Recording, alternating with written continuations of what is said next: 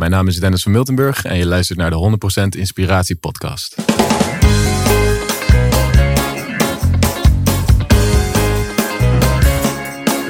Hey, wat goed dat je luistert. Hij staat weer voor je klaar. Je wekelijkse dosis inspiratie is weer daar.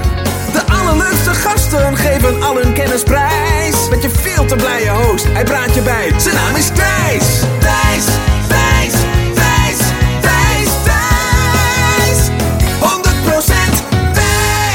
Ja, welkom lieve luisteraar. Jij ook welkom. eh, Dennis eh, hier in de, de podcaststudio in, eh, in Amersfoort. En als je op YouTube kijkt, tof dat je, dat je ook echt de moeite neemt om dit interview niet alleen te luisteren, maar ook te kijken. En anders als je gewoon lekker deze podcast luistert in de auto of thuis op de bank of tijdens het sporten of tijdens het stofzuigen of whatever. Ook welkom bij deze nieuwe episode. En ja, Dennis, ik kijk hier enorm naar uit. Jij bent 28 lentes jong. Eh, ik heb net al eh, nou ja, een uurtje met je gesproken. Ik heb een ander interview gekeken eh, met jou, waarin jij wordt geïnterviewd. We gaan het hebben over een holistische kijk op het leven. Ehm, voor de mensen ja, die nu al een, een, een kleine erectie hebben en denken: Oh, wat gaaf, wordt het sowieso een heel tof gesprek, denk ik. Maar ook voor de mensen die nu denken: van eh, ho- holisme, wat is dat eigenlijk precies? Wil Ja. ik het, nou, hoop ik jou uit te dagen om het gewoon super simpel eh, te gaan maken voor, voor de mensen.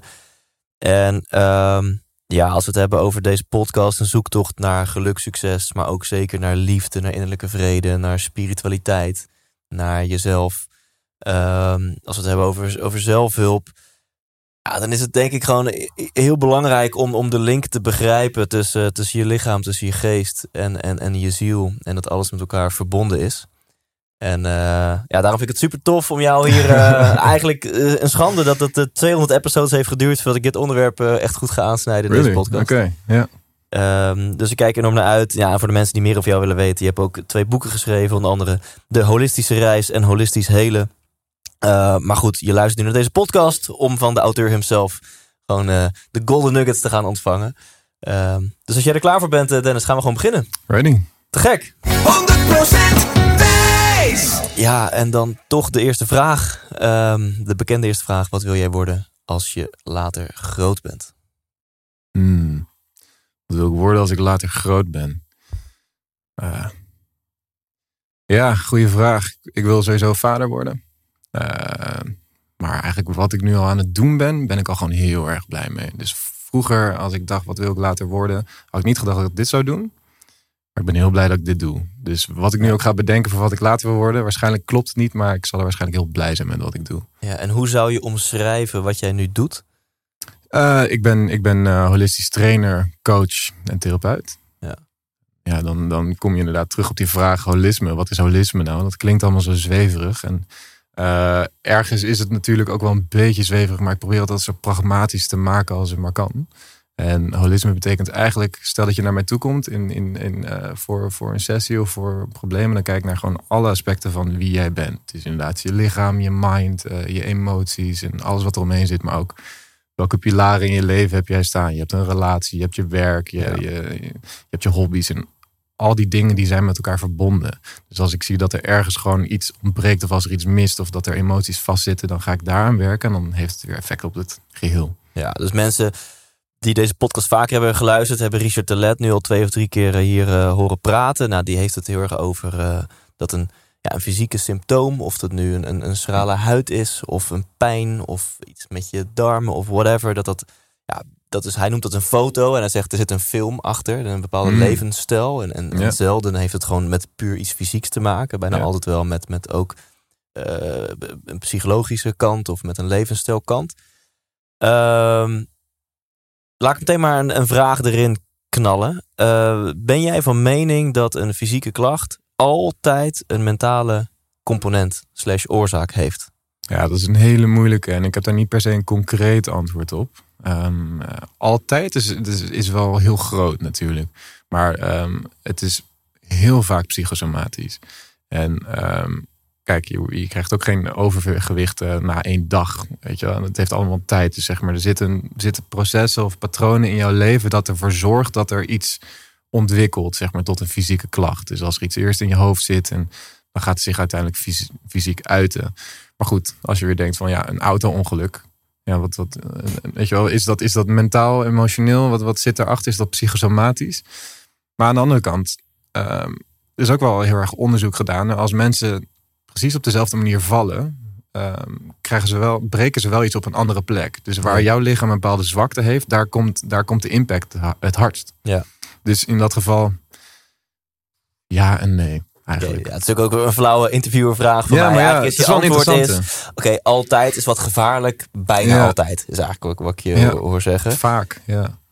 En ehm eh, ik wou er iets intelligents over vragen. Maar kun, kun je daar, eh, kun je daar eens een anders... Oh, je zei, je zei psychosomatisch. Ja, psychosomatiek, Eh, ja. psy- dat, dat is een moeilijk woord voor het heeft een mentale component. Of kun je dat... Ja, dus het is echt een soort van somatiek, zeg maar. Dat is gewoon ja, de verbinding tussen lichaam en geest.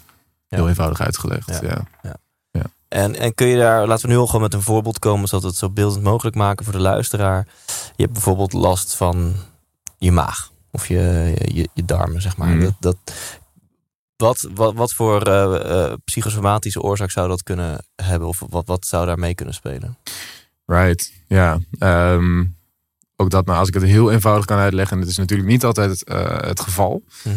Ehm, maar een, een eenvoudig voorbeeld is, eh ken je het eh, sympathisch en parasympathisch systeem, zenuwstelsel? Dus Absoluut. even een, het soort van de fight-or-flight system of de rest and digest. Zo, zo wordt het even heel makkelijk uitgelegd. Dus als je een antilope ziet wegrennen van een, van een leeuw, dan gaat het, niet meer, gaat het lichaam niet meer denken hoe het het gras moet eh, verteren. Want je, je bent een levensgevaar. Dus al je energie gaat naar je bloed. Je hartslag gaat keihard omhoog, omdat je gewoon weg moet gaan. Je moet zo, zo snel mogelijk weg. En naarmate, of zodra je weer veilig bent, dan schud je alles van je af en dan ga je weer door met eten. Weer terug naar rest and digest. En als jij mentaal denkt dat jij s- nou, niet in gevaar bent, we zijn nu niet in gevaar, maar er zijn heel veel kleine dingen waar je zenuwachtig voor kan zijn. Of eh, waar je gestrest voor bent, of bang voor bent, of met, met vrouwen praten, of eh, een confrontatie met de ruzie, whatever. Dan gaat jouw lichaam in dat systeem zitten.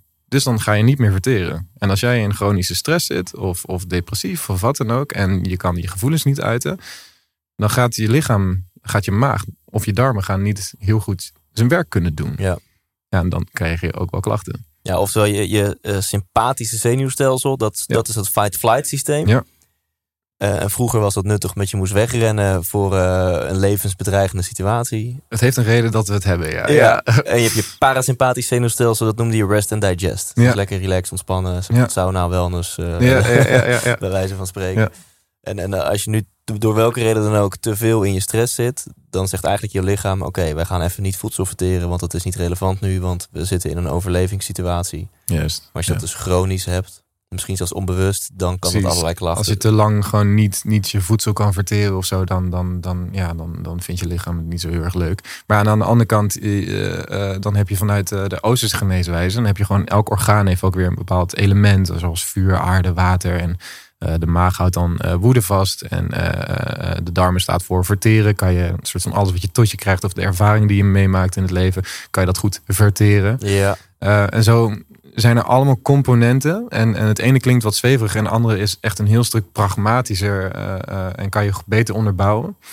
Eh, dus het is elke keer vinden van waarom, waarom werkt jouw maag niet? Een soort van, oh nee, dit is volgens het boekje, maar wat, wat speelt er bij jou? ja. En vaak zie je echt raakvlakken. Heel vaak. Maar het hoeft niet altijd. Nee. Nou, ik wil hier nog veel meer in detail op ingaan. Ik wil het nog met je hebben over, over e- emoties en gevoelens. Hoe je Ja. het meer kan toelaten. En hoe dat zich uit in je lijf als je dat niet doet. En nog veel meer over jou, jouw holistische eh, eh, blik op het leven, op de mens. En misschien ook wel de, ziel. Eh, maar let's start with the why. Wat is, wat is jouw missie? Eh, wat je doet als holistisch trainer, als holistisch coach. Wat, wat, is, wat wil je deze wereld of mensen bijbrengen? Nou ja, allereerst eigenlijk, het is ook echt op mijn pad gekomen. Ik heb hier niet per se eh, over nagedacht. Ehm, maar uiteindelijk is mijn doel om zoveel mogelijk mensen eh, eh, meer heel te zijn. Eh, gezonder, gelukkiger en bewuster. En met geluk is natuurlijk ook wel moeilijk om te bedenken van ja, alsof je per se gelukkig moet zijn alleen maar. Ik bedoel, dat is ook een bepaalde focus waardoor je juist depressief van, van kan worden. Ja.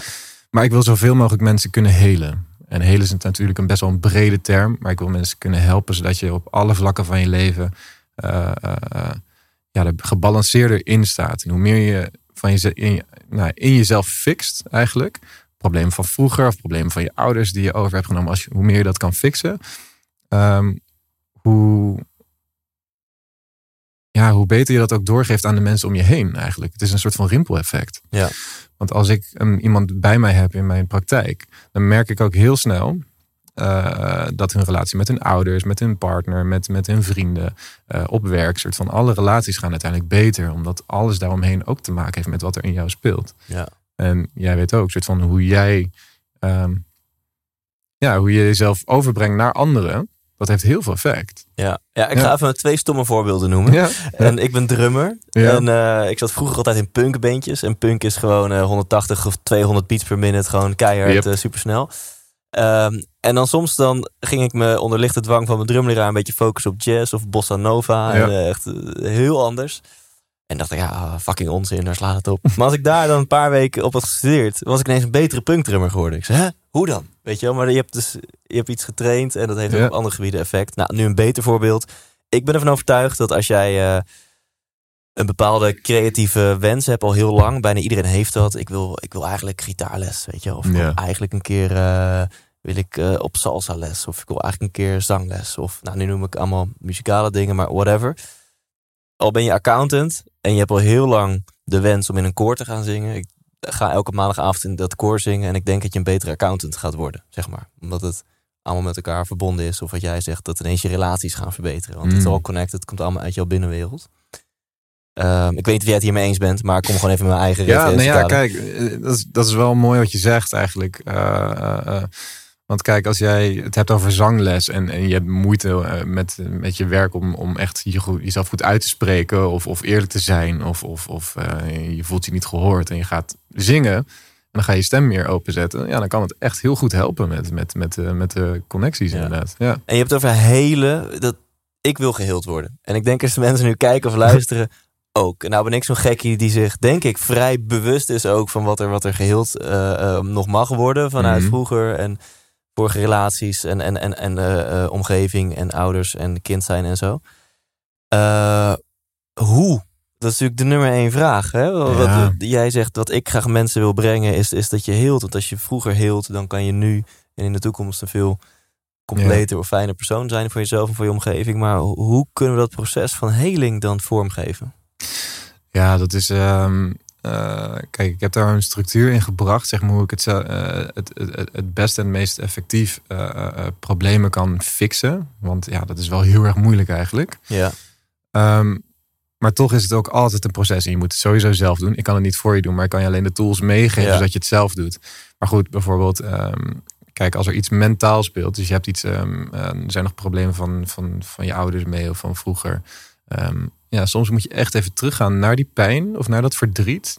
ehm, eh, dat er nog speelt. En dat mag ook even geuit worden. En mag ook even gevoeld worden. En als je daar naartoe durft te gaan, naar die pijn, want we willen, dat is wat ik zei met dat geluk. We proberen alleen maar vrolijk te zijn en blij en we zetten een masker op. Maar nee, en dan proberen we die negatieve emoties alleen maar te onderdrukken. En als je dat onderdrukt, dan kan je uiteindelijk bijna niks meer voelen. Dus dat is allemaal nep. Dus als je naar die pijn durft te gaan, dan kan je het ook echt even oplossen. En als je een emotie uit, dan is het ook weer uit. Je hebt Ja. het geuit, dus het uit je systeem. Ja.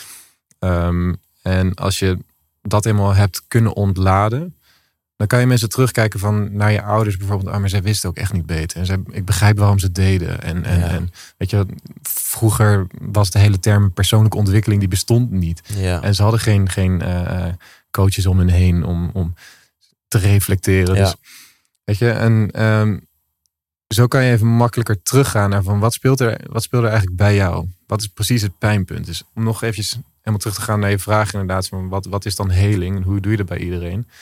Uh, het is het tegenovergestelde van symptoombestrijding. Van, oh, heb je hier last van? Dan gaan we dat even een beetje fixen. Nee, waar komt het vandaan? Ik wil echt naar de kern van het probleem en daar gaan we het oplossen. En de kern van het probleem heeft heel vaak meerdere symptomen dat dat uitstraalt in, in, in alles in je leven. Ja. Dus ik wil heel, heel graag heel snel naar de kern. Ja. Nou, dus enerzijds is het ehm start met de, de bewustwording. Waar, waar komen eigenlijk mijn huidige problemen? Waar kunnen die vandaan komen? Ja. Vroeger, want misschien hebben heel veel mensen zichzelf die vraag helemaal niet gesteld.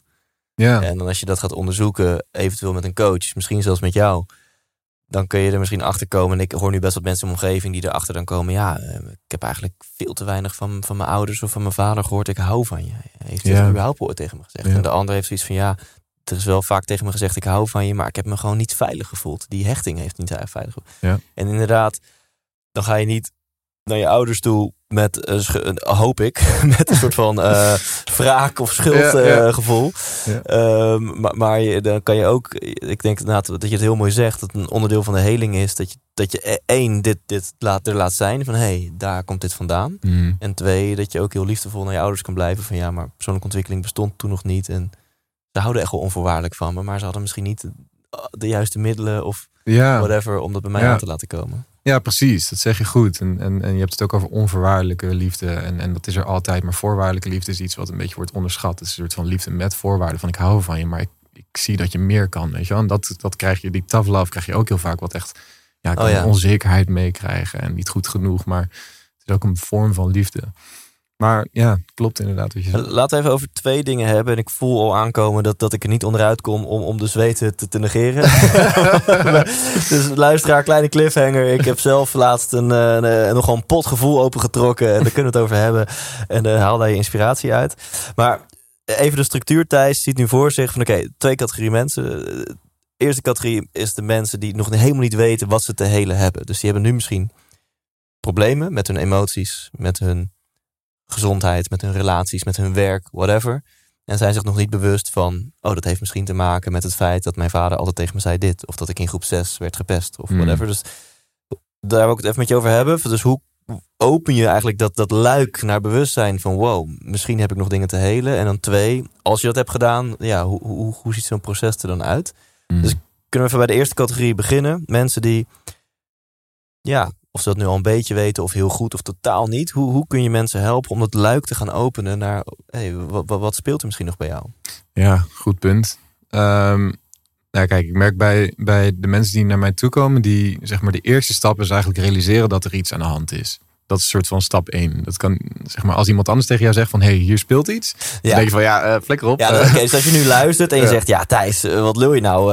Stress in je werk, relatie, gezondheid. Of ik, Ja. ik heb nergens last van. Ja, oké, dan is you're fine. zeg maar. Ja, precies. je Nou ja. zelf geen urgente... Precies. Ja. Nou, het is meer, iedereen heeft altijd wel ergens last van. Ja. En, en op een gegeven moment in, in, of gewoon in je eigen innerlijke dialoog of in interactie met andere mensen, kom je er echt wel achter van, fuck, ik zit altijd in een patroon of ik reageer de hele tijd hetzelfde of ik kom hier maar niet uit of ik trek alleen maar dezelfde eh, problematische mensen aan of hè, en dan kom je er gewoon telkens niet uit. Dus als je merkt dat er een bepaald Ja. herhaaldelijk patroon zit, dan mag je afvragen van, waarom blijft het zich herhalen?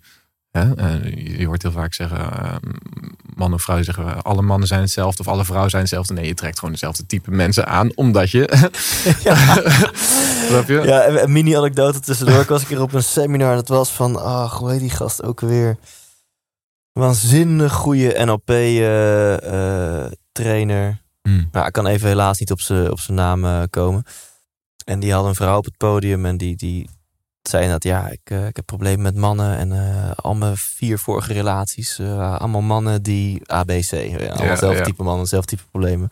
En hij zei, ja, maar wat, wat hebben al deze relaties nou gemeen? Hmm. En zei echt zo, ja, eh, helemaal nadenken, komen niet. De hele zaal weet natuurlijk al. Nee, maar wat hebben al deze relaties nou gemeen? Wat is nou de enige algemene delen in al deze relaties? Dus ze kwam er echt niet uit. en dan tijdje, ja, je voelt het natuurlijk aankomen. You! Eh, dus ja, sorry, even tussendoor. Maar ja, dus uiteindelijk Ja. eh, zijn het je eigen patronen. Ja, fair Ja. point. Ja, en, en, ehm, eh, en één natuurlijk gewoon overduidelijk. Als je lichaam gewoon aangeeft van jongens, het is nu klaar. Ehm, dus zo werkt het eigenlijk soort van in, in wat ik er net zei, die psychosomatiek. Dus eh, eigenlijk soort van eerst krijg je een bepaalde gedachte of een bepaald patroon en het blijft zich herhalen. Maar meest, het is moeilijk om daar bewust van te zijn dat dat zich speelt. Vervolgens merk je dat je soms emotioneel geraakt wordt of getriggerd of eh, geïrriteerd raakt of Ja. snel verdrietig. Of, nou, dat is dan een soort van de tweede fase dat je echt voelt van oké, er speelt iets. En als je daar niet goed naar kan luisteren, dan zeg je lichaam van oké, ik ga nu symptomen creëren, want je Ja. luistert niet. En, ehm, Maar dit, dit is even een hele goede zin. Je lichaam zegt, ik ga symptomen creëren, want je luistert niet. Juist. Dus je lichaam heeft, zeg maar, om het heel zoet te zeggen, het beste met jou voor. En je lichaam Ja. heeft eigenlijk een, een, een hogere standaard misschien wel dan jij zelf voor het toelaten van gevoelens. Ja. Yo, gast, als jij er geen aandacht aan geeft, het, het wil aandacht. Het Precies. wil gehoord worden, het wil Ja. gezien worden. Dus dan kom ik wel met Juist. klacht En ABC. daarom zeg, schrijf ik ook in mijn boeken dat pijn en angst zijn eerder leermeesters. In plaats van dat je zegt van "Huh, ik wil, er, ik wil er niet naar kijken. Nee, juist. Want we proberen juist iets te vertellen. Ja. Dat is een beetje het, eh, het idee erachter. Ja. ja, en als je niet luistert, dan, dan gaan die symptomen alleen maar erger en erger worden. Ja, dus uiteindelijk, het begint met dat je wel zelf echt moet ervaren, of het nou emotioneel of fysiek is, dat je echt een probleem hebt. Dat je echt Mm. merkt van, fuck, ik loop hier tegenaan. Wat jij al zegt, ik trek telkens dezelfde mensen aan, of ik heb telkens maar stress in mijn werk, of ik kom hier in mijn relatie maar niet uit, of whatever. Ja. Word maar niet met, eh, met plezier wakker. Of je hebt fysiek iets en dan, dan is echt, de, dan, dan heb je bij jezelf de, de motivatie van, oké, ik loop ergens op vast. En dan is de volgende stap, oké, laten we eens gaan kijken waar dit vandaan kan komen. Precies, ja. En, en ehm, ik werk altijd met mensen en, en ehm, eh, ik werk echt met het lichaam. Maar meestal zijn we eerst gewoon aan het praten van... oké, wat is aan de hand, wat is er gebeurd, wat heb je meegemaakt? Maar ik luister heel erg naar wat je zegt, maar ik luister veel meer naar je lichaam. Probeer je lichaam te lezen en zit te kijken wat dat aangeeft. Want het lichaam liegt niet. En jij kan hier nog een beetje van alles bedenken of goed maken. hoofd, ja. Ja, dus het lichaam liegt gewoon niet. Nee. ja. En, en, en, en doe je dat door, door te kijken of door de verhalen die mensen vertellen vanuit wat hun lichaam eh, aangeeft? het is... Het is een gave. Het is een gave, dames en heren. nou ja, het is niet per se een is- Door de jaren heb ik het opgebouwd. Dus het is niet dat ik eh, wakker werd van, oh, ik zie alles. Nee, ja. Het, is, ehm, eh, eh, het is ook heel veel informatie opdoen over het lichaam. Gewoon, hoe werkt de ademhaling? Wanneer zit de ademhaling hoog? Wa- Wat zegt een houding over iemand? Waarom zit de nek vast? Waarom zit de buik vast? Waarom, waarom zijn de schouders gespannen? Waarom hebben sommige mensen bepaalde tikjes of trekjes? En dat, dat zegt allemaal iets. Ja, ja. dus het is gewoon blijven lezen en, en, en doorvragen. En uiteindelijk zie je ja, gemeenschappelijke ja, vergelijkenissen. Ja. Ja, ja, en het is natuurlijk super persoonlijk en, en, en lastig en zo. Maar kun je toch iets zeggen over zo'n proces? Dus stel, je loopt ergens tegenaan. Mensen komen naar jou toe of whatever. En, en, en komen erachter, ja, wow, ik denk dat ik gewoon vanuit... Nou ja, laat ik maar bij mezelf blijven. Ik heb het in een paar podcasts terug al verteld. Ik had met Giel Belen een gesprek en ik zeg, ja, ik zit net in een nieuwe relatie. En mijn hele lichaam gaat in een soort van zelfsaboteermodus. Van ja, maar Mm. liefde bestaat helemaal niet Mm. voor jou. Weet je, er wordt helemaal niet onvoorwaardelijk van jou gehouden. Ja. En ik ga het bewijzen. Ik ga voor jou bewijzen dat dit helemaal niet eh, zo is. Ja. Is interessant wat er dan in je hoofd gebeurt. En nou ja, ik kan dan ook wel de link leggen naar... oh ja, dit is... Ik denk dat op een hele jonge leeftijd bij mij... al wel een, een, een, een niet een gezonde hechting is ontstaan. En dat ik daarom heel, moe, heel veel moeite heb om dit te vertrouwen. Vervolgens wil je dat helen. Dus kun je, kun je dan toch, hoe moeilijk die vraag ook is... iets vertellen over zo'n proces van heling, hoe dat er dan uitziet? Hmm. Ehm. Ja, nou ja, ja, bijvoorbeeld, ik heb, ik heb één voorbeeld met een, eh, een vrouw die kwam naar mij toe met, met rugklachten. ehm, eh, en die vertrouwde mij eerst nog niet om, om de echte kern eh, te vertellen. Maar ik, ja, ik voelde, er speelt nog veel meer. Maar hey, we hebben, ik neem de tijd, weet je wel. Ja. Want ik kan je ook niet forceren om, om je veilig te gaan voelen bij mij. Nou, eh, want ik kwam er al best wel snel achter. Die rugklachten komen vanuit darmklachten. Want als jouw darmen... Oké, nu gaan we echt heel... Nee, de stof, de stof. Ja. Ja, ja. Dus ehm, eh, je kan je buikspieren niet goed genoeg aanspannen... als je last hebt van je, van je darm of van je maag of zo. En, en als je je buikspieren niet goed kan aan, aanspannen... dan moet je rug alles overnemen, zeg maar. Dus zo gingen we naar de darmen. En pas een paar sessies later zei van... oké, ik vertrouw je nu genoeg. Eh, ik heb een hele toxic, toxische ex gehad... die zelfmoord eh, eh, neiging had. En op een gegeven moment wou die mij meenemen... Ehm, dus ze woonde zes hoog en hij had de balkondeuren opengezet en hij heeft daar een soort van meegetrokken. En dan ga je naar die fight flight, weet je wel, waar je het Mhm. over had. Maar dan derde is freeze. En dan zak je gewoon in elkaar en dan bevries je helemaal. Omdat je gewoon echt een soort van vechten en vluchten heb je een gevoel van oké, ik kan nog iets doen. Ik kan nog vluchten of ik kan terugvechten. Ik heb nog een kans. Maar als je in elkaar zakt, dan is het echt die freeze. En dat gaat zo vastzitten in je, in je systeem.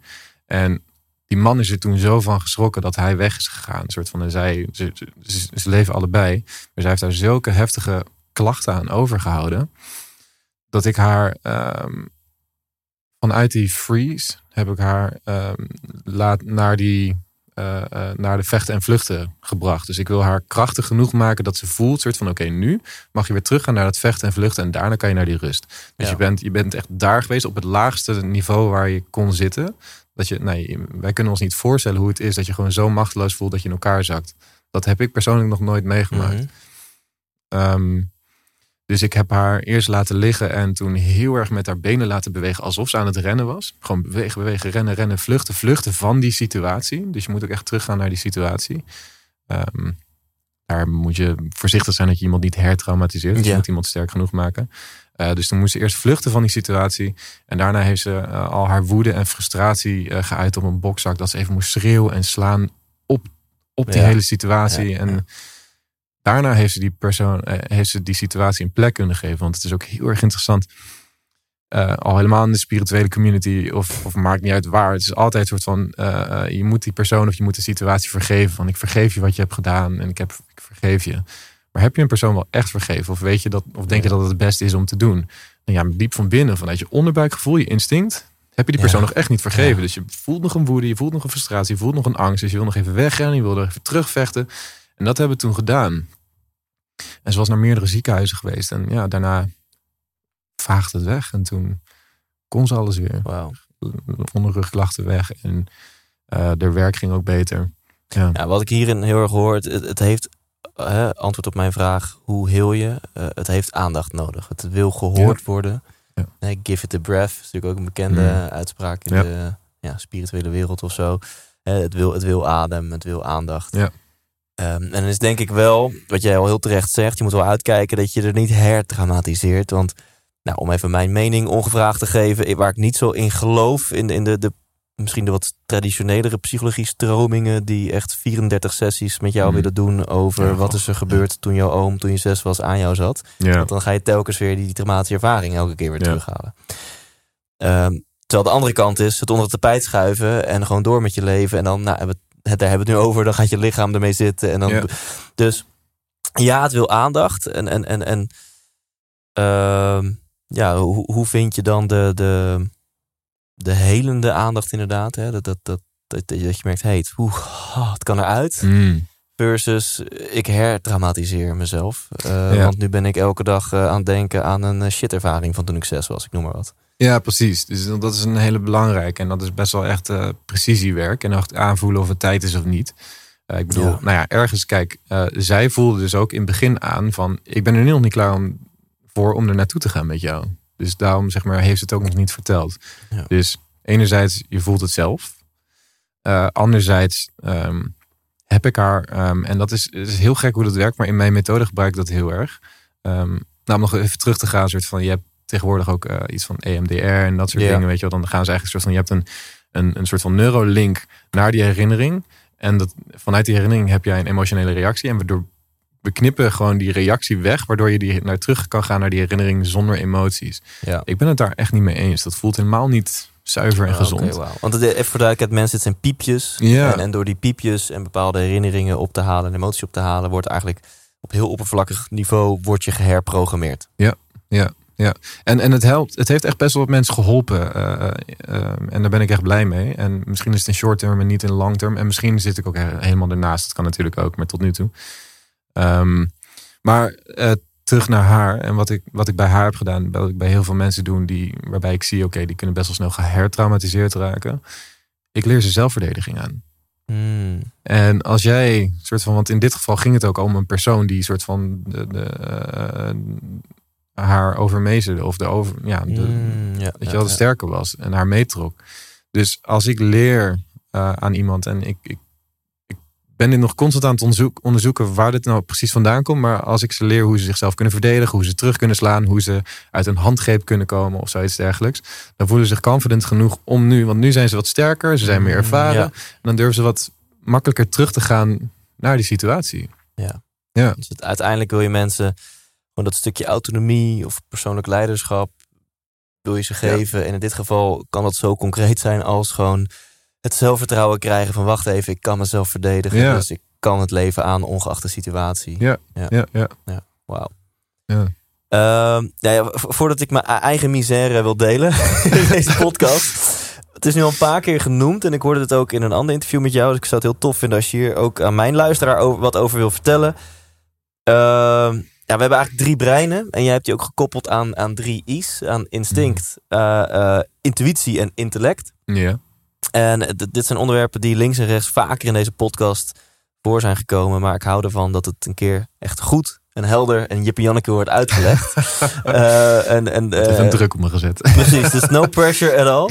Eh, maar ehm, eh, zou je daar eens wat over kunnen vertellen? Want dat is natuurlijk volgens mij ook onderdeel van, van jouw methode. Ja. dat, dat, je, dat je die drie breinen, instinct, intuïtie en intellect, dat, dat je die samenbrengt. Kun, Ja. kun je dat dus toelichten? Zeker, zeker.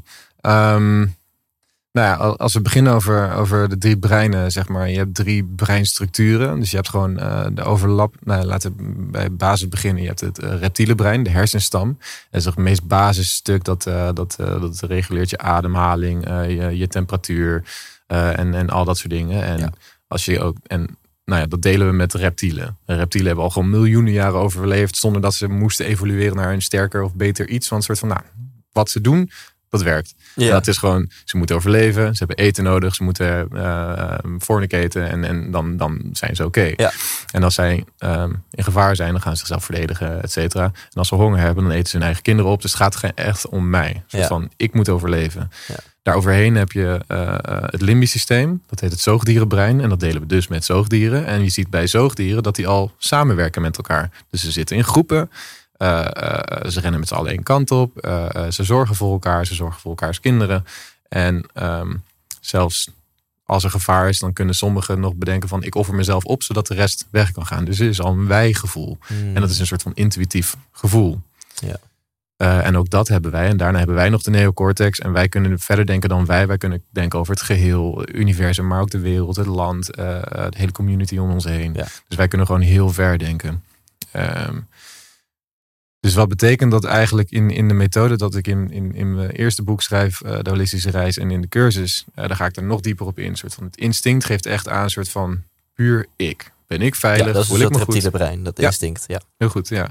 Dus ben ik veilig? Voel ik me goed? Eh, eh, ehm, Je, je, je, mooie, je wijst nu ook echt naar je Ja, onderbuik. echt mijn onderbuik. Met Dus precies wat. Ja. wat, wat, wat eh, dat voorbeeld wat ik daarnet gaf. Voelt ook gewoon meteen veilig. Als ik Ja. doe, is- ah, lekker. lekker, Ah, lekker gegeten vanochtend, Mm, gedronken. knuffelen zo. Mm. Ja. ja. Nou, het voorbeeld wat ik daarnet gaf van, van die vrouw, die had echt soort van door onderbuik. Dat instinct, dat was gewoon echt, dat instinct was getraumatiseerd door wat ze had meegemaakt. En daar heb ik aan gewerkt, zeg maar. Ehm, dus dat ging echt om haar, want ze dacht ook echt alleen maar aan anderen. Dat was ook nog een stukje. Ze dacht, ze was alleen maar bezig met anderen. Dus ze was ook die, die man, die zat alleen maar in de problemen. Ze wou haar, hem alleen maar helpen en ze, ze koos de hele tijd voor hem en niet voor zichzelf. Ja. Ehm, nou, daarna heb je dus het intuïtie, het zoogdierenbrein. Je voelt dat voor elkaar. Je ziet ook echt in de ogen van, van, eh, eh, van zoogdieren, eh, weet je wat, die voelen echt iets voor, voor je of voor elkaar. Eh, honden die houden echt van je, dat zie je in de ogen. Ja. En een soort van als je in de ogen kijkt van een krokodil of zo, en die heb ik echt van dichtbij gezien. Dat is heftig. Dat is eng hoe leeg het is, soort van. Mhm. Het, het boeit ze niks, zeg maar. Ja. Dus daar is een wijgevoel. En bij het intuïtie kan je echt voelen van... oké, maar ehm, wat is het beste voor mij? Welke kant wil ik op? Eh, wat voelt het beste? Wat voelt het beste voor ons samen?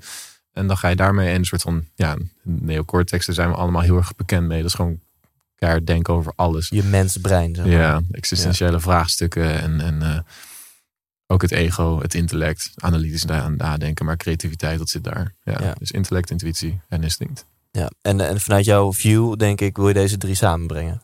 Precies, ja. En het verschilt heel erg eh, eh, wat, wie wat nodig heeft. Dus als jij dus heel veel bezig bent met anderen, maar je zet jezelf niet op de eerste plaats, dan moeten we iets meer met instinct werken. Eh, je hebt mensen die alleen maar bezig zijn met de wereld, soort van oké, de wereld moet beter en alles moet. En die zijn dan heel erg in de neocortex, maar die vergeten hun relaties. En, en, eh, en nou, dan moet je dus weer iets, met, iets meer met intuïtie werken. Ja. Op die manier. En uiteindelijk ja, heeft je lichaam alle, alle antwoorden. Of je lichaam geeft dan ook voor alle signalen. Ja. En ehm, ja, kun je mensen eh, eh, een concrete tool meegeven om daar in hun leven, misschien zelfs structureel, om meer ruimte te geven om dus te voelen wat je te voelen hebt. Want we vinden het zo. We leven in de meest luxe wereld ever als het Mm. gaat om afleiding en verdoving. Er is Mm. altijd afleiding en verdoving. Op je telefoon heb je, nou, ik, we hadden het er net in de voorbespreking al even over. Ik ben er soms gewoon van bewust als ik me even eenzaam voel of niet prettig voel, kan ik een uur vullen met een rondje dopamine. En dan ga ik even kijken eh, naar mijn DM's op Instagram. Hoeveel likes had ik op mijn laatste post? Ik kan mijn internetbankieren openen. Hoe zien mijn rekeningen eruit? Ik kan kijken hoeveel streams had ik op mijn laatste podcast. Wat op Ja. mijn YouTube kanaal. Oh, LinkedIn, niet aan gedacht. oh, en ondertussen eh, heb ik eh, uit nieuwsgierigheid een nieuwe video op Insta geplaatst. Even kijken hoe die... Nou, eh, dus we leven in een super luxe wereld. Als we niet willen voelen, dan hebben we alle faciliteiten eh, die er maar zijn Mm. om, om te verdoven of om afleiding te vinden in werk, in social media, in whatever. Ik denk dat dat niet eh, het tegenovergestelde van heling is. dus kun je mensen iets meegeven om gewoon, los van dat er misschien een, een, een, echt een acute oorzaak is, maar om gewoon structureel in hun leven wat meer ruimte te geven om te voelen. Oef. Ehm, nou ja, eh, eh, heel praktisch is uh, gooi even je mobieltje weg en ga het raam uitstaren. Of, of, of ga even wandelen. Of, Ja. of je, bezig, ben even bezig met jezelf en wat er in jou speelt. Ehm, maar echt praktisch, het is voor iedereen anders. Ehm, maar we weten eigenlijk allemaal waar we een beetje verslaafd aan zijn. Zoals een mobieltje en Instagram en dat soort dingen. Ehm, en dat, dat, dat zorgt ervoor dat je eventjes niet met jezelf bezig bent. Want in jezelf speelt er van alles. En zo gaan we eigenlijk een beetje terug inderdaad naar, naar, naar waar we het eh, voorheen over hadden. Is, ehm, weet je wel, je had het over je hart openen. Ja. En als je hart wil openen, dan mensen willen een soort van meer kunnen voelen. En, en willen meer eh, ervaren of meer liefde voelen. Ja, maar als je je hart opent, dus je, je, dat stuk met, met intuïtie, daar zitten al je emoties. Dus als je je hart opent, dan komt alles naar buiten. Dus ook pijn, ook verdriet, ook woede, eh, eh, jaloezie. Noem maar op, dat zit er ook. En daar moet ook naar gekeken worden, wil je wat anders voelen? En dat willen we meestal niet voelen. Dus Mm, ja. gaan we maar onszelf verdoven. Ja, dit, toch, ik, het is een concrete antwoord dan je denkt hoor. Ik bedoel, het echt Mm. concrete antwoord is, dat gaf je aan het begin al. Flik je mobiel even weg en ga even 10 minuten Ja. voor je uitstaren, ademen, wandelen, whatever. Ja. Eh, en en de- je geeft vervolgens ook de verklaring, want eh, waarom vind ik geef die opdracht heel vaak in mijn lezingen en, en in mijn online programma's. En pak nou eens 10 minuten per dag gewoon even de, de stilte. Mm. Ik heb eh, sinds kort een, eh, een column op Radio 2. Dus afgelopen maandagochtend heb ik Giel nog die tip gegeven van Giel, ik daag je uit om elke dag 10 minuten de stilte op te zoeken. Je mag mediteren, maar hoeft ook niet. Al sta je voor je uit, ook prima. Maar Ja. gewoon telefoon uit, 10 minuten, niks. Ja. En wat ik merk, de feedback die ik vaak krijg van mensen, is dat ze het gewoon tering spannend vinden. Terwijl het zo'n eenvoudige opdracht is. en jij verklaart nu waarom dat ze spannend vinden. Ja. Omdat onbewust weten we best wel dat dat misschien niet tien hele leuke minuten gaan zijn. dat we misschien wel dingen gaan voelen die Ja. we aan het onderdrukken zijn, Ja. bewust of, of onbewust. En, en, en dat, ja, we willen wel de positieve kant van emoties toelaten, maar we, we willen wel tien dingen opschrijven waar we dankbaar voor zijn, maar we willen niet de, de negatieve kant van emoties eh, voelen. Ja, precies. Ja. En eh Bentinho Massaro, misschien ken je hem wel, een eh, soort van spirituele halfgod, is hier een paar keer in de uitzending Ja, geweest. En ja. die zei ook van, ik- we hadden het ook een beetje hierover over heling en zo. En ik zei zo, ja maar als, als het medicijn, als de heling zo eenvoudig is, waarom, waarom doen zoveel mensen dat niet? En toen zei hij echt zo van, yeah, but do they really? Do they really want to take the medicine? ja, precies. Zo van, het, is, het is niet een hele makkelijke tocht. Het is Ja. veel makkelijker om gewoon al je shit onder het tapijt te schuiven. Ja. En, en gewoon nooit die stilte te pakken. En, en je leven gewoon wat, wat meer shallow, wat meer oppervlakkig eh, uit te zitten. Ja, dus en, en, en hetzelfde is eigenlijk een soort van. eh, er zijn ook heel veel mensen tegenwoordig die, die zijn op zoek naar verlichting. Bijvoorbeeld spirituele verlichting. En dan denk ik, ja. ehm, ze verwachten dan dat het alleen maar mediteren is en alleen maar focus op liefde, vrolijkheid en bliss. En nee, het is gewoon juist. Er is een reden dat mensen die verlichting in het verleden, die gingen mediteren in een grot. Want daar is het donker. Daar kom je jezelf tegen. Daar kom je je schaduwkant tegen. En, en alles, eh, kijk, ik heb het ook al in mijn boeken heb ik het over positieve en negatieve emoties. Maar negatief klinkt al zo negatief, alsof het zo erg is en Mhm. slecht. En mag niet. Ik mag niet verdrietig zijn, ik mag me niet klein voelen. Ehm, en dat is best wel het grootste probleem. Een soort van, voor mij is, ver, nou, verlichting, verlichting niet, maar voor mij is een soort van heling, is de balans vinden. Ja. Dus alles durven voelen en alles durven Ja. denken. En dat je, je mag fouten maken, je mag even ongelukkig zijn, je mag je even kut voelen, je mag even Ben Jerry's eten als je wil. Weet je, we hebben zo, zo'n we vinden het negatieve zo erg dat we Ja. het weg proberen te stoppen. En dat is volgens mij het grootste probleem. En inderdaad, wat Bentinho dan zegt, van wil je echt een medicijn nemen? Want dat betekent dat je naar die pijn moet gaan. Ja, ja en ehm, dit vind ik heel mooi wat je ook al eerder zei in deze aflevering. We, we willen continu gelukkig zijn, maar is dat Ja. wel de juiste wens? Ja, Want precies. inderdaad, het is helemaal niet een gelukkig leven. Als je, dat al, als je daar al naar wil streven. En hoe definieer je dat dan? Kan je ook nog over discussiëren. Maar een gelukkig leven in mijn ogen houdt dus niet in dat jij je het grootste gedeelte van de tijd super goed voelt of zo. Een gelukkig Nee. leven is veel meer, wat mij betreft, dat, dat je alles voelt wat er te voelen is. Ja. En juist door die negatieve kant te omarmen, kan je meer puur zijn, meer omstand jij zijn. En zal er ook meer positiviteit komen. ja. Maar, maar streef niet naar een leven waarin je alleen maar positiviteit ervaart. Want dan word je denk ik heel depressief. Want dan heb je geen re- realistisch beeld van hoe het leven eruit ziet. En exact. zou je telkens teleurgesteld zijn. Ja. Fuck. Ik, eh, Ja, als je heel lang positief, als, als je je heel lang goed voelt, dan vergeet je op een gegeven moment wat, wat goed is. Want je, je hebt, om je goed Ja. te kunnen voelen, moet je ook het, het contra ervaren. Om weer te voelen van, oh ja, het is echt heel bijzonder. Het is ook een soort van, vanuit de psychologie heb ik ook onderzoeken gelezen dat mensen die heel lang eh, eh, positief blijven, die zakken op een gegeven moment in elkaar. Soort van, letterlijk de hormonen in het brein kunnen dat op een gegeven moment niet aan met serotonine en dopamine. Dus op een gegeven moment is het gewoon op. En dan, ja, Wauw. ja, Ja, en wat je net zei, hè, verlichting is niet een tocht van alleen maar eh, een hippie jurk aantrekken, salie branden en super blij zijn. Ja. Ehm, mijn vriendin, eh, die stuurde me laatst een, een foto door. Dat is alweer een tijdje geleden, maar dat, dat was echt spot on. En dit is een mooi linkje naar dan mijn persoonlijke verhaal.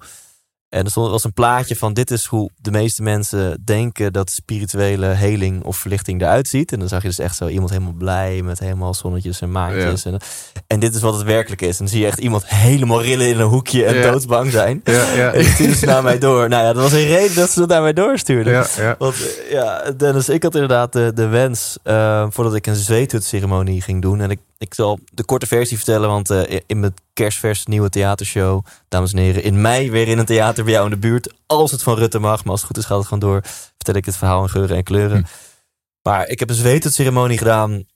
Nou, wat dat is, dat, eh, dat laat ik even eh, terzijde. Maar eh, eh, mijn wens was om mijn hart te openen. Want ik dacht, ik wil meer positieve gevoelens ervaren. Waarom word ik maar niet verliefd? En ik, eh, ik, ik wil meer liefde ervaren. Ja. Maar goed, het, het antwoord was, lieve Thijs, we we gaan gewoon gevoel openen. Of wat jij zegt, als je hart opent, dan open je ook alle andere emoties. Nou, mijn- gebeden waren gehoord. Ik werd smoor verliefd op een, op een meisje, wat dus nu mijn vriendin is, die ik al een tijdje kende. Ze was al die tijd al in mijn fucking leven. Maar ik was gewoon dicht. En ik ging open en pof, gewoon bijna tot in het obsessieve verliefd, zeg maar. Wow. Mooi. ik wist niet dat er zoveel liefde zat. Ja. En ehm, ja, toen kwamen ook wat andere gevoelens van... eh, ja, je hebt nu een eh, deksel opengetrokken. Hoi, ik ben eenzaamheid. Je hebt mij best wel lang weggedrukt. Hoi, ik ben een gevoel van onveiligheid. Je Hmm. hebt mij best wel lang weggedrukt. Hoi, ik ben een gevoel van angst. Eh, en dat kwam allemaal boven. Dat is bizar. eh, ja, ik kan er nu eh, over praten en om lachen. Maar holy fuck, wat, wat intens hoe alles dan naar boven komt. Wat, wat ik blijkbaar onbewust al die tijd had Ja. weggedrukt. Nou, hier zit totaal geen vraag in. Nee, kan je nee. dat mee, Dennis?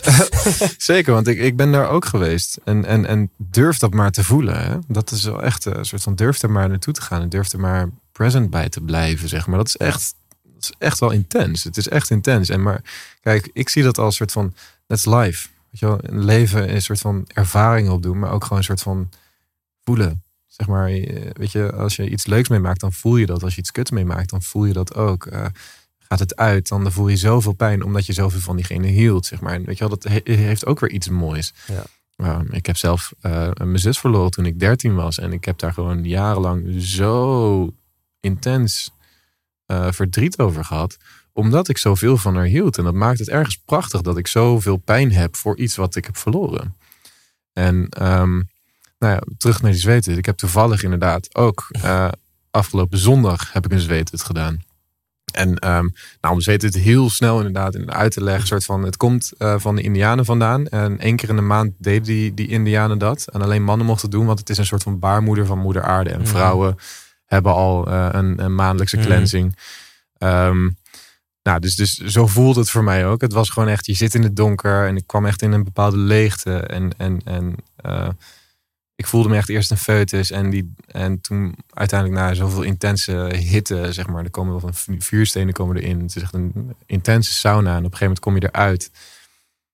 Ja, dan, dan voel je zo ja, je voelt je gewoon oprecht herboren. Je voelt je oprecht herboren. En daarna ben ik alle stages doorheen gegaan van het kleine eenzame kindje. Uh, die, die nooit iets deelde. Naar een puber die nooit zijn uh, emoties uitte. En ik ging daar allemaal doorheen. Waardoor ik ja, uh, een paar dagen terug nog echt intens boos ben geweest. En intens verdrietig. En ik heb dat helaas, het was echt niet mijn bedoeling, maar ik heb dat toch nog een beetje geuit op, op mijn partner toen. Mm. Die boosheid meestal, kijk, mijn, ik probeer mijn best te doen om mijn boosheid gewoon te uiten op een stootkussen of gewoon een soort van, want het mag eruit, maar je mag het niet uit op iemand anders. Daar heb je het recht niet op. Mhm. Maar goed, om, om, weet je, niemand is perfect. Maar er komt dan zoveel los. Er komt dan zoveel los, omdat er gewoon, je zet iets open en er moet ook echt van alles uit. Ja. Wil, je, wil je liefde voelen? Heel goed heel fijn. En je mag het ook echt voelen, maar dan moet je dit en dat en dat en dat Ja. ook voelen. Ja. En juist omdat je dat hebt gevoeld allemaal en die eenzaam weer hebt ervaren, want je bent nou niet meer alleen. Je bent nu niet meer alleen, maar je mocht er wel nog eventjes naartoe van, weet je wat, fijn dat je samen bent, fijn dat je die partner hebt gevonden. Maar weet ook even hoe het is om alleen te zijn. Want dan kan je nog meer waarderen dat je nu niet meer alleen bent. Ja. Ja. ja, ik geloof heel erg in die, die paradoxaliteit, als dat een woord is.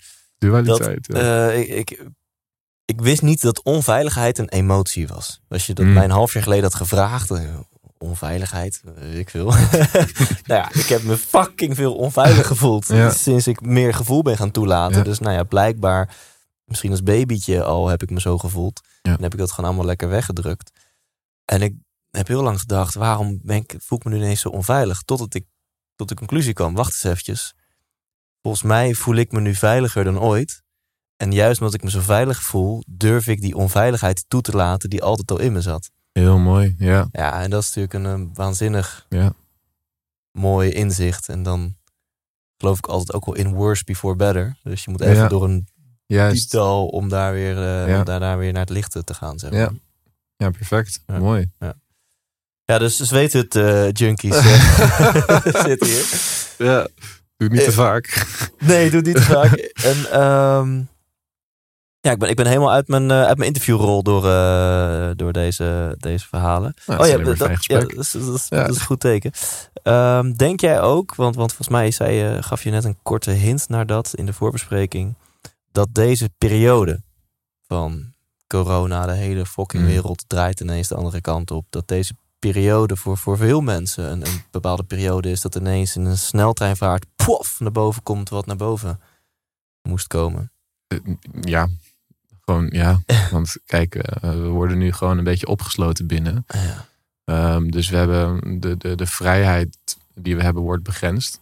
Ehm, en dan word je bijna geforceerd om maar gewoon naar binnen te gaan. Dus dan, kijk, wat we dus nog sneller doen, is juist eh, die kleine dopamine shotjes te nemen. Maar eh, we worden ook echt geforceerd naar binnen te gaan. En als je geen afleiding kan vinden, je kan niet met vrienden afspreken, je kan niet alleen maar blijven sporten of werken met je collega's, dan word je geconfronteerd met jezelf. En dan kom je steeds meer achter van, oh shit, er zit nog echt veel, veel in me wat, wat opgelost mag worden. Ja. Ehm, en ik denk echt dat dat wel eh, de, de tijd is. En dat het eigenlijk wel een beetje de, de gift van deze, van deze tijd is. Er gebeurt echt van alles. En ook gewoon heel veel waarbij we geen idee hebben dat het gebeurt. Eh, maar op een hoger niveau is het allemaal wel nodig om ons eh, als geheel een beetje naar, naar een hoger niveau te brengen van bewustwording. Dat, Ja. dat geloof ik wel. Nou, en als mensen nu luisteren en denken van nou, die Dennis, toffe kerel. Ik wil wel dat hij me verder kan helpen. Hm. Ehm, kun je eens wat vertellen over wat, jij, eh, wat je doet eigenlijk en wat je kan betekenen voor, eh, voor mensen? Eh, ja, ik, ik, doe, ik doe heel veel één op één sessies. En, en dat vind ik echt heel fijn, omdat ik dan echt gewoon diep, nou, wat ik in het begin al zei, dan kan ik echt diep kijken wat, wat er in jouw leven speelt op alle vlakken en waar er iets aan de hand is, zodat we ja, gewoon op. Ja, ik, ik, ik zeg altijd, ik wil zo snel mogelijk van je af. Eh, en ik kom pas van je af als je op alle vlakken, alle pilaren van je leven echt eh, Mhm. ehm, ja, gezonder, gelukkiger en bewuster bent. Ja. En ehm, ja, dus daar komt een beetje het fysieke bij, het mentale, het emotionele. Ehm, Maar goed, als je, als je daar geen zin in hebt of te confronteren, dan kan je natuurlijk ook gewoon mijn boeken lezen. ja, ja, ja, ja, ja. En eh, als je er meer over wil weten, dan heb ik natuurlijk de cursus. Dan leg ik helemaal uit, zeg maar. Dus wat Ja. ik daarnet uitlegde over het intuïtie, het instinct en, en het ontladen, wat ik daarbij bedoel. eh, eh, daar heb ik een hele methode voor, voor uitgewerkt. Zodat je ook jij een soort van een, ja, daarin een holistisch trainer kan worden. Sowieso wil ik mensen nu al uitnodigen om naar thijslindhout.nl slash holisme te gaan. Want daar staat jouw e-book klaar. Zeven stappen naar holistischer helen. Of naar holistisch helen. Eh, om een, eh, zeven stappen om een holistischer leven te leiden. Ja. Holistischer leven. Oh ja, ik heb een identifout Ja. gemaakt. Zeven stappen om een holistischer leven te leiden. Ja. Dat is kosteloos, lieve mensen. Mhm. Op thijslindhout.nl slash holisme. Ehm, en daar, eh, daar vinden mensen ook net meer over, over die cursus. En dit, dat heet een cursus Holistic Movement Trainer. Ja. En daar leer je eigenlijk de geheimen van de chef. Fijne kneepjes van het vak. Ja, Kun, je, kun je wat over die cursus vertellen? Want lieve luisteraar, behalve dat we gewoon iets gratis voor jou klaar hebben staan op die URL, heb ik ook eh, ja, jou eh, diep in ogen aangekeken en gevraagd of je nog iets extra's kan doen voor mijn luisteraar die Hm. eh, interesse heeft in die, in die training. Maar kun je er eerst wat over vertellen? Ja, nou ja, allereerst een, een kleine waarschuwing. Je krijgt niet alleen de, de, de, de kennis mee, maar je moet het ook echt toepassen op jezelf. Dus je mag een soort van, Ja. wil je an, ik zeg altijd, ik stuur niemand een pad op die ik zelf niet heb belopen. Ja. Dus eh, soort van, als jij iemand wil helpen, moet je ook echt zeg maar, door je eigen shit heen gaan. Eh, en en ehm, om daar te komen wat er precies met je aan de hand is, heb ik een, heel, ja, een hele methode uitgewerkt. Een heel systeem eigenlijk. Het heeft te maken met eh, de balans tussen het yin en het yang. En dat heeft te maken met vanuit de psychologie orde en chaos. Dat heeft met die drie breinstructuren te maken waar we het al over hadden. De bewustzijnsvormen. Ook chakras zitten erin. Dus vanuit het hindoeïsme heb je eh, eh, chakra's, die zeven die gaan eh, ja, door je wervelkolom heen. Ja. En dat is dat, dat voor veel mensen is dat nog zweverig, maar ik heb die gelinkt aan de wervels. Dus bepaalde wervels van je, ja, van, van, van je wervelkolom, die hebben een bepaalde betekenis. Dus als er iets aan de hand is, eh, emotioneel, mentaal, dan kan je een soort van terugleiden naar welk gedeelte van de wervel dat, dat is. Wauw. Ja, ik kan iets voorlezen van, eh, van wat er ook op jouw site hierover staat. Want je Ja. noemde het net al, wat, wat mensen onder andere leren.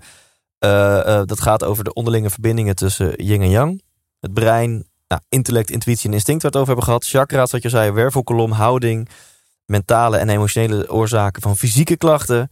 Ontladingsoefeningen en energizers, psychosomatiek en doelgericht werken. En wat je hier heel mooi zegt, ja, het lichaam liegt, liegt niet. We gaan dus ontdekken wat het lichaam allemaal kan vertellen terwijl de geest de problemen wegdrukt of niet weet wat er aan de hand is. De ontladingsoefeningen zijn de meest krachtige bewegingsvormen die onmiddellijke genezing initiëren. Dit zijn diep onderzochte en specifiek ontwikkelde oefeningen om de kern van bepaalde fysieke, mentale of emotionele klachten permanent te helen. Ehm, ja, tof. Cursus Holistic Movement Trainer. En dat vindt plaats, om eventjes de, de details met de mensen te delen, eh, in januari. Als je het op tijd hoort. Als, je, als het dan na januari is, check ook gewoon thijslindert.nl slash holisme. Want dan vinden we wel weer nieuwe datums. Ja. Maar voor nu eh 16 en 17 januari 2021 en 23 en 24 januari 2021. Dus het is een vierdaagse cursus. Ja. Investering vergt 750 euro. En ehm, ik vind korting altijd oninspirerend. We kunnen luisteraars een korting geven, maar het is veel leuker om iets extra's bij te doen. Dus jij hebt beloofd dat, dat mensen eh, die naar deze podcast luisteren, als die eh, deze cursus aanschaffen, dat ze jouw nieuwste boek, Holistisch Helen, krijgen ze gewoon gesigneerd en wel. Ja. Wil je ook nog een voornaam erbij zetten? Dat, dat, dat Tuurlijk. persoonlijk gesigneerd. Tuurlijk. En fuck it, ik vind jou zo'n tof gast. Ik doe er mijn boek er ook bij. Dus als je Nou, ook gesigneerd. Dus als mensen dan, als ze luisteren van deze podcast eh, eh, bij deze cursus zijn, dan krijgen ze gewoon jouw boek, eh, Holistisch Helen. En mijn boek, Hoe de fuck vind ik geluk, persoonlijk gesigneerd, gewoon in een brievenbus eh, cadeau daarbij. Lijkt me een Tof. toffe deal. Heel leuk. Ehm, ja, en tot slot, eh, Dennis, we hebben, we hebben 53 minuten eh, gepraat. We kunnen er 53 uur van maken, wat mij betreft. Eh, we hebben nog tijd. Er is nog iets waarvan je zegt: Ja, Thijs, dit had je me echt moeten vragen, maar heb je niet gesteld. Oef. eh, nee, eigenlijk niet. Ehm, ik vind het heel fijn hoe, hoe het is gegaan. Ik ben eigenlijk ook een beetje benieuwd naar jou. Want je, je, hebt, eh, je zei net, eh, je bent echt super verliefd eh, geworden. Maar hoe is, hoe is dat nu dan eigenlijk? Nog steeds super verliefd. Ja? Ja. En ehm, nou ja, we hebben nu eh 4,5 maand verkering. Dat is natuurlijk, Ja, ja, dat is- gefeliciteerd. dat is heel, jong. ja, Ja. heel jong. Ja, ehm, het, is super mooi. En ik vond het eh, nou, heel bijzonder om dan in eerste instantie mee te maken dat, dat er ergens in het begin in mij eh, een stukje ongeloof zat of zo. Mm, en dat ben ik dus gaan onderzoeken. Want ik wist al meteen, dit heeft niks met haar te maken. Het is niet zo dat, dat zij signalen geeft dat het niet echt is of zo. Dus dat zegt wat over mij. En ik heb dan met haar gedeeld van ja, eh, ja eh, ik weet niet wat er aan de hand is, maar ik merk echt een grote onzekerheid. Mm. En ik ben het onderzoeken waar het vandaan komt. En eh, nou, wat jij ook zei eh, over het medicijn en dat het best wel pittig is. En je moet echt ergens doorheen en zo. En Ja. je, ja, je gaf als reactie op mijn verhaal iets aan van, nou ja, eh, durf er maar in te gaan zitten of zo. Ja. En voor mijn gevoel had ik geen keuze of zo. Dus ik, ik heb Right, blijkbaar afgelopen jaren heb ik onbewust, want ik, ja, ik had het denk ik best wel aangedurfd, maar onbewust allemaal weggestopt. Ja. Ehm, en nu had ik voor mijn gevoel geen keuze. Het was zo. De, de, de, de, de drang van mijn lichaam, de, de angst die ik voelde, was zo intens dat ik kon, ik kon niet eens drummen of eh, vrienden zien of werken. Nee. Ik kon haast niks anders dan En van kon zij er een beetje voor je zijn? Heel erg. Ja? Heel erg, ja. Mooi. ja. Echt, Ja, dan eh, was het ergens gewoon tijd voor de liefde. gewoon, Ja, toch? Ja. Het, was, het, was, het universum zei Thijs, we gaan jou een, een, een perfect persoon presenteren die, die jou niet alleen alle, alle heling geeft, maar die jou ook gaat leren dat, dat liefde bestaat en, en, en wat liefde is. ja, En eh, heerlijk. Ja, ja, dat was een pijnlijker proces. Klinkt heel mooi, maar dat was een pijnlijker proces dan ik dacht. Ja. En ehm, ja, sowieso, ik denk dat iedereen het wel herkent, hè, dat, dat liefde, intieme liefde, dat, dat is toch wel hetgene in het leven wat jou de, de grootste spiegel voorhoudt of zo. Ja. Eh, Nog veel meer dan vrienden of je Ja. werk is toch wel je, je partner, degene die jou de grootste spiegel voorhoudt van, van jou en van wat er in jou geheeld moet worden. Ja, ja. Ja ik, ik, ik, ik, als ik voor mezelf spreek, ik heb nog nooit zo, zoveel van iemand gehouden dan van mijn, van mijn vriendin. Ja. En daardoor is het ook gewoon heel vaak ook wel heel intens. Want ehm, zij, zij doet ook, zij is ook eh, coach, een intuïtief coach. Dus je ziet ook gewoon heel goed wat er in mij speelt. En dan kan Ja. ik echt er, er te- tegenin gaan of het ontkennen. Maar ze heeft gewoon ook gewoon heel vaak gelijk. En dan word je zo geconfronteerd met iets wat je zelf niet Ja. kan zien. Ehm, maar goed, als je er wel aan toegeeft en ervoor gewoon voor die liefde kiest, dan kom je er zo mooi uit. Ja. En dan, dan overstijg je gewoon een soort van liefde waarvan je dacht van, ik ben nog nooit zo verliefd geweest. Ik heb nog nooit zoveel van iemand gehouden. Maar je kan nog meer van iemand houden. En de liefde kan nog meer worden. Want op een gegeven moment denk je van op een gegeven moment, het zakt weer af. Weet je wel, de verliefdheid gaat een beetje weg. Maar nee, het kan zelfs nog intenser worden. Het kan Ja. nog mooier worden. Ja. Ja. En merk jij dan ook, als je zegt, ja, ik heb nog nooit zoveel van iemand gehouden, ja, dat het tegelijkertijd dus beangstigend is. Want hoe meer je iemand geeft, hoe meer iemand jou dierbaar is, eh, hoe banger je ook kunt zijn om iemand kwijt te raken. Eh, zeker. Ja, nou ja en nee. Eh, want juist omdat ik dat weet, ehm, ben ik daar al echt best wel veel mee bezig geweest. Het soort van dat, een soort van dat ik dat ook iets meer kan loslaten. Of in ieder geval, loslaten vind ik als een stomme term, een plek kan geven. Dus ja, dus ik ben er wel bang voor, maar ik laat, ik laat dat stuk ook iets meer vrij. Van, weet je, je weet niet wat er gaat gebeuren. Je weet niet wat, wat, wat je kan overkomen of wat, wat, wat voor een keuze een ander kan maken. Eh, dus ik, ik laat dat een beetje.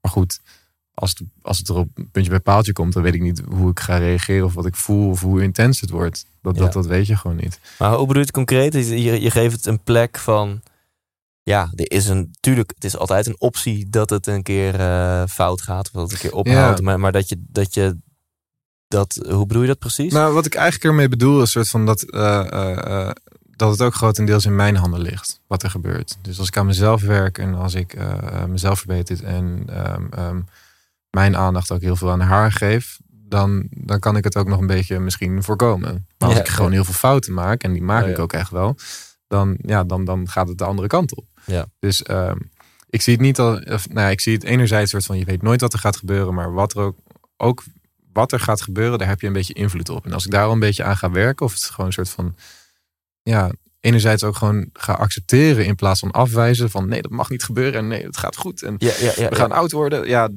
dat helpt ook niet. Nee. Dus ik probeer er altijd een beetje gebalanceerd in te kijken. Dat is een soort van, misschien wat je in deze, deze podcast ook al een beetje merkt. Soort van, ik probeer altijd overal wel een beetje tussenin te staan. Ik wil alle perspectieven bekijken. Ik wil jouw perspectief begrijpen. Ik wil die van mij begrijpen. En vanuit daar ga ik een beetje handelen. Ja, en ook dit, die angst wil ook gehoord worden. Nou, Ja. Als je, als je zo'n angst voelt van straks gaat ze me verlaten. En dan, nee, nee, Mm. nee, we gaan samen auto, we gaan samen auto, we gaan naar huizen kijken, we gaan samen auto. Weet je wel? Dan, Ja. Ehm, dan ben je het en controle eh, probeer je uit te oefenen en je bent aan het Ja. wegdrukken. Terwijl je kan veel beter die angst toelaten van ja, ja misschien, misschien is dit eindig of is dit niet the one. Of misschien, weet je, dan, maar dan kan het juist ook bevrijdend zijn om dat toe te laten. En vervolgens inderdaad kan je terug naar jezelf. Ja, Ja. Maar waar kies ik voor? Want ik heb er toch geen controle op. En kies ik ervoor om bij haar te blijven? Kies ik ervoor om te blijven groeien? Kies ik ervoor om die onwijs hoeveelheid liefde die in mij zit met die persoon te delen? Ja. En alles voorbij dat punt is, is niet aan mij. Precies. En, en, en stel, zeg maar, stel dat zij echt veel gelukkiger gaat worden met iemand anders, dan, dan gun ik dat haar echt. Ik bedoel, dat gaat mij zo ongelooflijk veel pijn doen. Maar goed, daar kom ik ook wel overheen. Weet je wel, Ja. ik durf naar die pijn toe te gaan. Ja. Eh, mogen dat duidelijk zijn. Maar ehm, kan ik er iets aan doen om ervoor te zorgen dat het niet gebeurt, dan doe ik dat. Maar kan ik er echt niks meer aan doen en het is gewoon zo, ja, dan, dan is dat echt zo. Dan, Ja. dan gun ik dat. Ja, ik weet dat eh, het wordt bijna een filosofische relatietalk dit. Maar onze, onze vriend Bentinho, Ja. Die heeft net een podcast online gezet met de Relationship Fallacy. Mm. En eh, in mijn podcast heeft hij het er ook wel kort over. En eh, ja, eigenlijk vindt hij eh, volgens mij relaties een soort van westers construct Mm. van beperkingen. En Ja. zegt hij, ja, je bent eigenlijk in een relatie veel eenzamer dan als je niet in een relatie zit.